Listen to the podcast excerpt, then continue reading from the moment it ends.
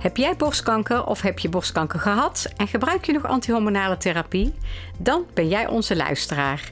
In deze podcast, De Antihormonologen, vertellen we je alles over de werking en bijwerking van deze therapie.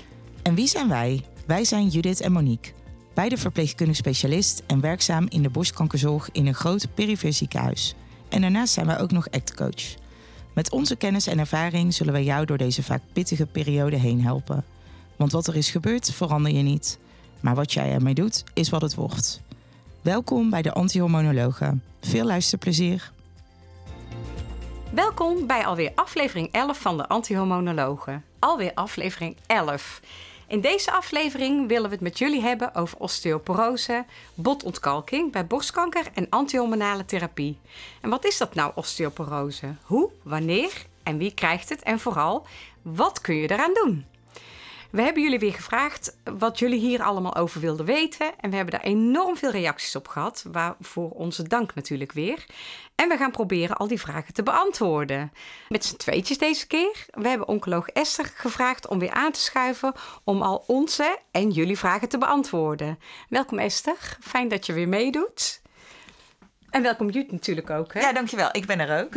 ik ben er ook, Ehm, sorry. Ik ja. reageer te laat. Ja, dat geeft niks. We zitten heel lief allemaal naar elkaar te knikken.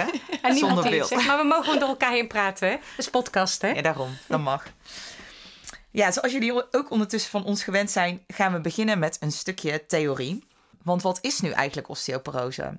Bot is levend weefsel en gedurende je hele leven, ook na de groei, blijft je lijf bot aanmaken en ook afbreken. De balans tussen het aanmaken en het afbreken wordt door verschillende hormonen geregeld. En een belangrijk hormoon wat hierin eh, een rol speelt is oestrogeen. Nou, het hormoon waar we het natuurlijk al heel vaak met jullie over gehad hebben. En je botten zijn het sterkst rond je dertigste en daarna wordt dit langzaam minder. Dit is een normaal proces en dat gebeurt dus bij iedereen. Bij vrouwen kan het sneller gaan door de overgang. Door dus de afname van dat bekende hormoon van de oestrogenen. Je lijf maakt dan geen nieuw bot meer aan en botten worden dus poreuzer. Minder sterk, waardoor je dus een grotere kans hebt om iets te kunnen breken. Ja, je ziet dus met name osteoporose bij ouderen, maar het kan dus ook op een jongere leeftijd voorkomen. Bijvoorbeeld bij de behandeling bij borstkanker. Daar gaan we het natuurlijk uitgebreid over hebben. Ja. Je hebt een grotere kans hierop als je voor je 45ste diagnose hormoongevoelige borstkanker hebt gekregen. Of als je preventief voor je 45ste je eierstokken eh, hebt laten verwijderen, waardoor je dus vervroegd in de overgang bent gekomen. Toch ook wel weer een ingewikkeld onderwerp dat veel vragen oproept. Maar gelukkig is Esther, dus laten we snel van start gaan, Esther. Want osteoporose bij antihormonale therapie. Hoe ontstaat dit dan eigenlijk? Goeie vraag. Ehm, het is wel een beetje een ingewikkeld proces, maar wat je ehm, eigenlijk in het algemeen kunt stellen is eh, dat wat je doet met eh, antihormonale therapie, is dat je het oestrogeenmilieu verandert. Even los van hoe je dat doet. Maar met aromatase-remmers dus vooral, hè, die verminderen het oestrogeen in iemand zijn lijf. En doordat je minder oestrogeen hebt, heb je minder van die, die beschermende werking van oestrogeen op je botten. Dus wat oestrogeen op botten doet, is dat het ervoor zorgt dat dat die aanmaak goed blijft gaan en Mhm, minder mhm. afbraak is. En als je dus aromatase-remmers geeft, ja, dan geef je minder oestrogenen en dus minder stimulatie eigenlijk van de botaanmaak. Ja, ik noem Even even, goed de ja, aromatase-remmers, ik eh, de aan te denken. letrozol en de anastrozol. Dan noemen we ze even bij je naam. Oh en ja. Arimidex. Ja. Ja. Dat groepje. dat groepje. Ja. ja. Ja, check. Dus ga door. Ja. Nou ja, ik denk dat dat het, het in, het in de basis is. Maar er zitten natuurlijk wel wisselingen tussen verschillende hormoontherapieën. Wat dat doet met je bot en ook in welk lijf je dat geeft. Mhm. Dus hè, wat we weten van tamoxifen bijvoorbeeld, is dat dat niet per se hoeft te leiden tot botontkalking. Mhm. Maar ligt er wel aan aan wie je het geeft. Dus als je tamoxifen geeft aan de postmenopausale vrouw, dan eh, werkt dat eigenlijk botbeschermend. Mhm. Maar als je tamoxifen geeft aan de premenopausale vrouw, dan weten we dat er toch wel, weliswaar een heel klein risico, maar Mhm. dat er eh, een kans bestaat op het krijgen van osteoporose. Mhm. Ik, ja, ik denk dat dat de, de samenvatting voor nu moet zijn. Ja. Ja, dus de timing van en het soort antihormonale therapie. Het maakt dus heel erg uit wanneer je het geeft, in welke fase van de wel of niet in de overgang je bent als je start met die behandeling. Ja. Wat het doet, zeg Ja. maar. Ja, en dan hebben we natuurlijk die aromatase-remmers genoemd en de tamoxifen. En bijvoorbeeld bij Zoladex, als je dat geeft. Dus als je echt de werking van de eierstokken onderdrukt. Misschien ook goed om nog even te noemen. Ja, dan, dan maak je het risico op botontkalking eh, natuurlijk veel hoger. Hè? Ja. Want wat je met Soladex doet, is het uitschakelen van de eierstokken. Dus zorg je ervoor dat er geen oestrogeenproductie meer is. Althans, in ieder geval niet uit de eierstokken. En dat is Ja. natuurlijk de Grootste, hoofdmoot ja. waar, eh, waar oestrogeen vandaan komt. Eh, dus als je dat uitschakelt, ja, dan heb je per definitie een, een, een hoger risico op, op botontkalking. Nou geven we Zoladex, als we dat willen geven, natuurlijk alleen aan de premenopausale Ja. vrouwen, hè, want daar is de Ja. oestrogeenproductie. Ja, Um, maar dan geldt dus, als je Zoladex plus tamoxifen geeft, dat je risico op botontkalking in één keer weer heel reëel wordt. ja. En als je Zoladex plus een aromatase-remmer, dus plus letrozol of anastrozol geeft, dan wordt dat risico nog reëler. Ja, dus binnen die groep is het wel van belang om daar ja, dus ook echt wel aandacht voor te hebben en dat wellicht te controleren. Absoluut. Ja. ja. Hey, we gaan zo even over hebben hoe je dat dan zou moeten controleren of hoe je dat dan zou kunnen onderzoeken. En als je nou osteoporose krijgt en het heeft te maken met die antihormonale therapie, we hebben natuurlijk in onze afleveringen ook best vaak aangegeven van de meeste bijwerkingen kunnen stoppen als je stopt met je behandeling. Nu gaven we net ook al aan in het Ja. stukje theorie van het is natuurlijk een proces wat ook wel hoort bij het ouder worden van ons lijf. Hè? Dat botten dus afbreken, los van of je nou borstkanker hebt of antihormonale therapie als we ouder worden, dat dat gebeurt. Is het dan ook iets wat het proces dat dat dan stopt, zeg maar, als je stopt met je antihormonale therapie? Ook dat wisselt weer een beetje aan wie je het geeft. Als je tamoxifen aan premenopausale vrouwen geeft en je stopt dat, dan, dan ben je dat risico kwijt. En dan kan je zien dat je normale botopbouw versus botafbraak, hè, want dat is altijd een Ja, proces wat de samen verstoring, gaat. Ja. Dat, dat, dat verstoor je een beetje met tamoxifen in de premenopausale vrouw. En stop je die tamoxifen, dan pakt dat normale proces zich weer op. En dan kun je weer een volledig normale botdichtheid creëren... zonder dat je daar verder andere maatregelen voor hoeft te nemen. Dat is goed om te weten. Maar als je een, een aromatase-remmer aan een postmenopausale vrouw geeft... Een postmenopausale vrouw heeft zonder aromatase-remming Ja. natuurlijk al een, een Risico hogere kans op, op, eh, osteoporose. ja. Geef je die aromatase-remmer, geef je er een risico bij. Ja. Stop je die aromatase-remmer, ja, dan hou je je basisrisico. Ja. Ja, wat iedere vrouw heeft. Dus, je, ja, dus of- je maakt het, het, het totale risico met het stoppen van het middel kleiner. Mhm. Maar het wordt niet in één keer weer een fantastisch bot. Hè? Nee. Dat het weer volledig op sterkte komt zoals het was toen je twintig was. Ja, Nee, want Nee, helder. oestrogeenproductie Want- is natuurlijk toch verlaagd. Ja. ja. Precies. Oh, nou helder. Ja. En als je dus eh, eh, controleert of er sprake is van eh, verminderde botdichtheid, hoe controleer je dat dan? Dat controleer je met een DEXA-scan. Ja, misschien goed om even heel kort uit te leggen wat zo'n DEXA-scan inhoudt. DEXA staat voor Dual Energy X-ray Absorptiometry. Je kijkt dus met zo'n scan naar de botdichtheid. Er wordt op vaste punten gekeken en gemeten. Ja, en daar, die vaste punten zijn dus je vier ruggenwervels, de onderste vier ruggenwervels en de kop van het heupbot. En is er sprake van een verminderde botdichtheid op die scan, dan noem je dat osteopenie. En is er sprake van botontkalking, dan heet dat dus osteoporose. Ja, misschien wel goed om uit te leggen dat er altijd een soort van score komt uit die uitslag. En dat noem je een T-score. Misschien kan Esther daar zo meteen nog wat meer over vertellen. Wat ook leuk is, is dat, of leuk, interessant, is dat de website van de Osteoporosevereniging daar ook echt heel veel goede en heldere informatie Ja. over geeft. We zullen dat linkje sowieso ook nog een keer delen. Want wellicht lees je soms zelf ook de uitslagen van je onderzoeken. En staat het daar ook dus heel helder uitgelegd hoe je dat kan interpreteren. Natuurlijk moet je altijd goede uitleg van je behandelaar krijgen, maar is wel waardevol. Dus dat zullen we doen. Maar ja, Esther, zo'n T-score, wat zegt dat dan, zeg maar? De T-score zegt iets over de botdichtheid. En het voert inderdaad een beetje ver, denk ik, om dat helemaal uit te leggen. Maar Ja. wat het vooral ook doet, is dat het kijkt naar wat jouw botdichtheid is bij de leeftijdsgenoten. Dus het zet jouw botdichtheid ook wel af tegen de groep waarin jij op dat moment zit. Want tuurlijk mag je botdichtheid op oudere leeftijd wat lager zijn. Ja, Dus die scores die zijn helemaal ontwikkeld, ook voor je leeftijdscategorie, zeg maar. Afhankelijk van je uitslag eh, kom je in een bepaalde categorie Ja. terecht. En die scores die werken met min-scores, dus dat klinkt altijd een beetje gek. Maar ja, boven een bepaalde score heb je osteoporose. Val je tussen een, een bepaalde categorie, dan heb je osteopenie, dus een, een soort voorstadium van osteoporose. En zit je weer daaronder, dan heb je een normale botdichtheid. En als je eh, dus zo'n zo'n DEXA-scan gemaakt hebt, moet je dat dan in de loop van de behandeling nog een keer herhalen? Dat ligt er een beetje aan wat voor behandeling je krijgt, Mhm. wat de uitslag van die scan is, wat je behandelduur is en of je al een behandeling geeft voor, voor botontkalking of omdat je die Ja. behandeling om een andere reden aan patiënten wil geven. Dus ja, ik kan niet eenduidig zeggen ja, je moet het herhalen, want dat, ja, dat ligt dus aan heel Ja. veel factoren of dat Ja. nodig is. En is ook wel een beetje een, een ziekenhuisbeleid. Hè? Dus ieder Mhm. ziekenhuis heeft daar vaak ook wel zijn eigen richtlijn in.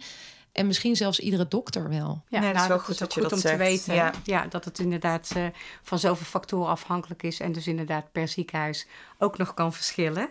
En stel dat er dan sprake is van osteoporose of osteopenie, hè, dan schrijven we natuurlijk altijd verschillende medicijnen voor. Kan je iets over die medicijnen vertellen? Het ligt er dus ook wel weer aan wat je, wat je score is Mhm. en, en wat je aan iemand geeft. Of je, ehm, hè, dus wat voor antihormonale therapie je Ja. geeft. Of je iets extra's wil voorschrijven. Ehm, daar komen jullie misschien straks ook nog wel eventjes op terug. Maar wat, wat we in de basis, waar we vaak mee beginnen, is, is calcium, vitamine D. Mhm. Hè, dat zijn de, de, de bouwstoffen die je nodig hebt om, om stevig pot te creëren.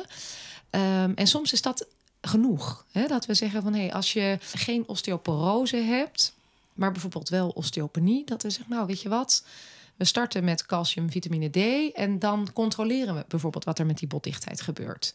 En calcium, vitamine D, dat, dat, dat schrijven we voor, maar dat is eigenlijk niet per se een medicament. Hè. Dat zijn eh, normale supplementen die je ook eh, in de drogisterij kunt eh, kopen. Ja. Ja, ze worden tegenwoordig ook niet meer vergoed. Hè? Dus dat zeggen Nee, dus- mensen kunnen ze gewoon zelf kopen. Hè? Precies, ja, precies. ja, moeten ze zelf kopen. Ja. Ja. Kijk, het voordeel van als je het voorschrijft is dat je zeker weet dat mensen aan de juiste doseringen Dosering komen. Ja. En dat is soms anders dan als je het supplement in de eh drogist eh, koopt. Mhm. Eh, dus het is altijd wel goed om dat te laten controleren als je dat slikt van hey, welke dosering slik je dan precies, zodat je weet of dat adequaat is.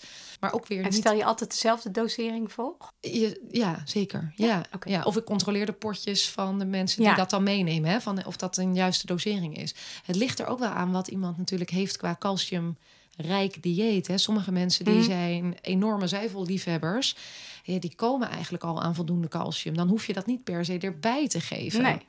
Dus het is afhankelijk van hoeveel calcium je tot je neemt, of het nuttig is om een supplement daarin voor te schrijven. Kun je het te veel binnenkrijgen, calcium? Dat valt wel mee. Als je een Ja. goede nierfunctie hebt en een normale bijschildklierfunctie, Ja, je Ja. lijf het gewoon ehm, afbreekt. dan, Ja. dan, dan verlies je het weer. Dus het, Ja. het, sommige mensen is ook niet per se de richtlijn hoor, maar die zeggen voordat ik dat soort middelen ga voorschrijven, wil ik eerst het calcium in het bloed controleren. Hm. Want als het te hoog is, wil je natuurlijk geen supplementen geven. Nee. Maar even ervan uitgaan dat het een normale waarde is in Ja. het bloed, dan is het ook goed om dus naar dieet te vragen van iemand om te kijken of het wel loont om daarin een supplement te geven. Vitamine D geven we eigenlijk altijd aan mensen boven de 50. Hè, dat is een beetje de, de richtlijn van de Wereldgezondheidsorganisatie. Dat in de landen waar minder zonuren zijn, nou daar zijn wij er duidelijk één van, zeker de Zeker nu. afgelopen dagen. Zon? Dat we, hè, dan zeggen we ja, eigenlijk boven de 50 even los van je diagnose, je behandelingen, is het goed om vitamine D tot je te nemen, omdat je in de risicocategorie valt van het krijgen van potontkalking. Het geven van vitamine D als supplement aan jongere vrouwen, dus onder de eh 50, ligt er een beetje aan of je dat moet doen. Nou ja, afhankelijk van eh, de bevondenwaarde op de DEXA-scan, je behandeling die je geeft hè, qua antihormonale therapie, eh, maar ook een beetje wat de levensstijl van iemand is. Dus ook dat ja, wisselt een beetje wat we moeten doen.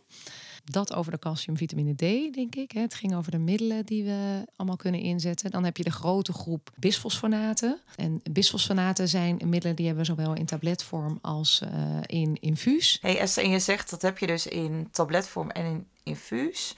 Maar wanneer kies je nu voor welk, welke toedieningsvorm, zeg maar? Dat is ook wel weer een goede vraag. Da- want dat is denk ik ook dokterafhankelijk. Mhm. En zeker ook patiëntafhankelijk. En ook wel weer, als je het echt gebruikt voor botontkalking, dan heb je ook wel weer een soort stroomdiagram wat je kunt volgen. Welk medicijn het beste of het meest aangewezen is. Oké. En dat is ook wel weer afhankelijk van een aantal risicofactoren die je met je botontkalking eh, ja, kunt hebben. Dus als je al een keer breuken hebt gehad, kom je in een andere risicocategorie. En dan zijn sommige middelen bijvoorbeeld in de tabletvorm niet meer aangewezen. En zit je weer in een andere middelencategorie. Dus soms wordt het eh, ja, een beetje voor je bepaald door de risicocategorie. En soms kun je dat bespreken met de patiënt welk middel aangewezen is. Maar dan hebben we het nu over echt even de indicatie voor botontkalking. Want Ja, en binnen- voor de bisfosfonaten, zeg maar, wanneer Precies, je voor die de? Ja, bisfosfonaten. Ja, ja, ja, Ja, ja, ja, Bij botontkalking. Ja. Dus niet in de preventieve setting, zeg maar. Precies, precies. Ja, dus echt preventief geven we calcium, vitamine D bijvoorbeeld. Hè? Eh, maar als je echt bij de DEXA-scan botontkalking hebt vastgesteld... en je wil daar wat voor geven, maar dat, dat is dan vaak ook wel zo... dan kom je in de categorie dat je calcium, vitamine D plus iets moet geven. En wat dat iets dan moet zijn... Ja, daar gaat dat verhaal van net eigenlijk over. Ja. Of je dan een tablet moet geven binnen de bisfosfonatengroep of een infuus. En dat, ja, soms speelt de voorkeur van de patiënt, dan wel de dokter daarin ook een rol. En wat bisfosfonaten doen, is dat ze de botafbraak remmen. Dat, dat is hun werking. En die ja, we hebben daar gewoon heel veel verschillende opties voor. Eh, Kan je wat eh, voorbeelden geven van die medicatie? en ze eindigen eigenlijk altijd op zuur. Dus je hebt onthouden. alendroninezuur. Ja. Dat is een, een eh, oraalmiddel, dus een tablet. Je hebt de risedroninezuur, je hebt de zoledroninezuur. En, en zo zijn er nou, nog wat zuren. Ja. En al die middelen vallen dus onder de grote groep van de bisfosfonaten. Dan is er ook nog een groep eh, calciumregulerende middelen. Die vallen niet onder de bisfosfonaten. En dat is een groep, ja, die gebruiken we eigenlijk alleen als een soort reservegroep binnen de, de botontkalking. Dus dat wordt bij de patiënten met borstkanker, die wij natuurlijk wel zien in onze praktijk, eh, nagenoeg niet ingezet. Is het effect wat je krijgt op het doel waarvoor je het geeft, dus om die botontkalking eh, in ieder geval af te remmen eh, of, of de kans daarop te verlagen, maakt het dan uit, en je gaf aan, je keuze wordt gebaseerd of je het oraal of via het infuus geeft, op basis van een aantal factoren, maar werkt het via het infuus ook duidelijk sterker? Nee, dat kun je eigenlijk niet Nee, zeggen. Nee, want het gaat om de werking van het middel. Middel, Hè? ja. En het Ja, middel behoort tot de groep bisfosfonaten. En of je het nou oraal geeft, in tabletvorm of in het infuus, die werking is, is net zo goed. Oké, Alleen hoe vaak je het moet geven, eh, dus met welk interval, dat wisselt. Ehm, en ook een stukje bijwerkingen Mhm. ja, wisselt wel. merken mensen dan ook andere Ja. bijwerkingen? Ja. Ja, oké. Dus ook dat kan een reden zijn als je osteoporose wil behandelen.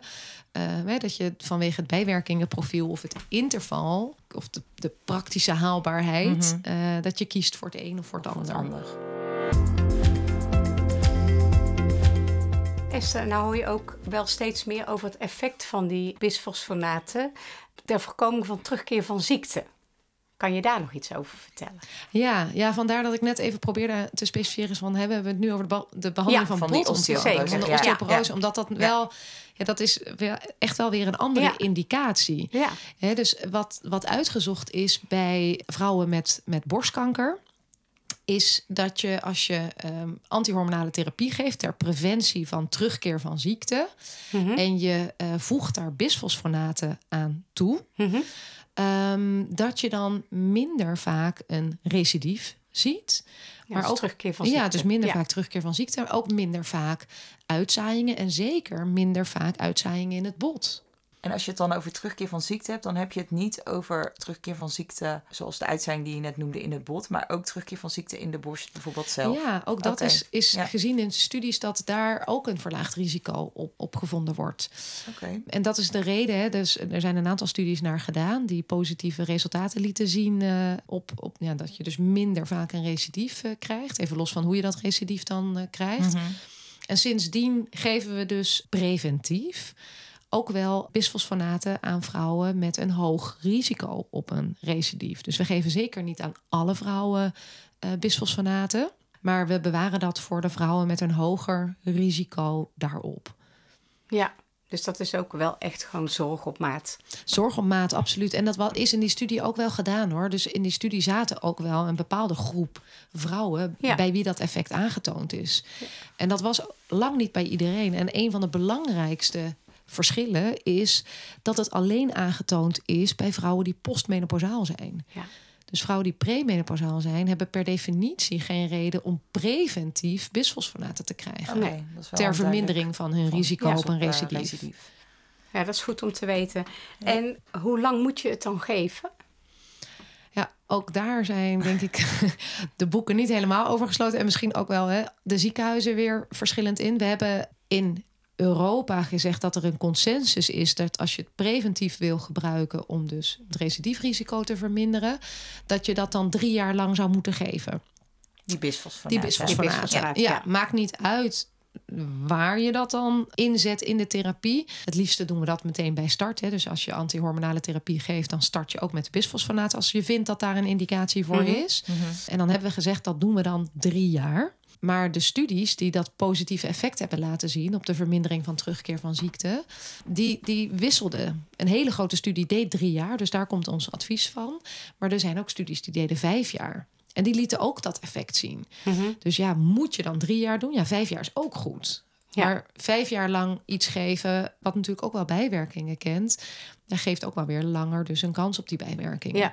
Dus grosso modo zeggen wij voor, voor preventie van terugkeer van ziekte is drie jaar Drie jaar de een goed, Ja. goed aantal jaren om dat te doen. Hey, en dan nog even terug, dat bedenk ik me nu voor die calcium eh, vitamine D, waar we het net over hadden. Dat adviseer je eigenlijk gedurende de hele periode dat patiënten antihormonaal therapie slikken.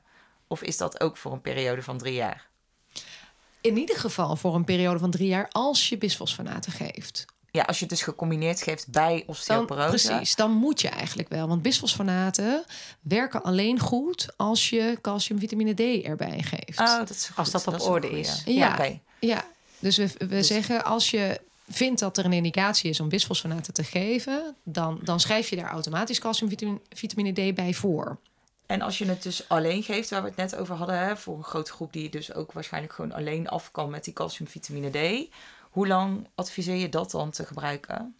Ja, dat ligt ook, Ook wel weer weer een beetje aan, aan wie je het geeft. Hè? Ja. Als je het echt aan een hele jonge vrouw geeft en je stopt dan op een gegeven moment met die, eh, die antihormonale therapie en je bent nog steeds heel jong, dan heb je volledig een kans dat je natuurlijk op een op, op weer een goed Ja, botdichtheidsniveau wat je aan het begin komt. Ja. Ja. Ja, zonder dat je daar per se aanvullingen voor nodig hebt. Ja. Maar we hebben natuurlijk ook wel eens dat vrouwen eh, in de overgang raken in een natuurlijk proces gedurende hun behandeling voor Mhm. antihormonale therapie. Hè, dus dan, dan slikken ze bijvoorbeeld vijf jaar tussen 45 en 50 en waren ze niet in de overgang en zijn ze dat aan het einde wel.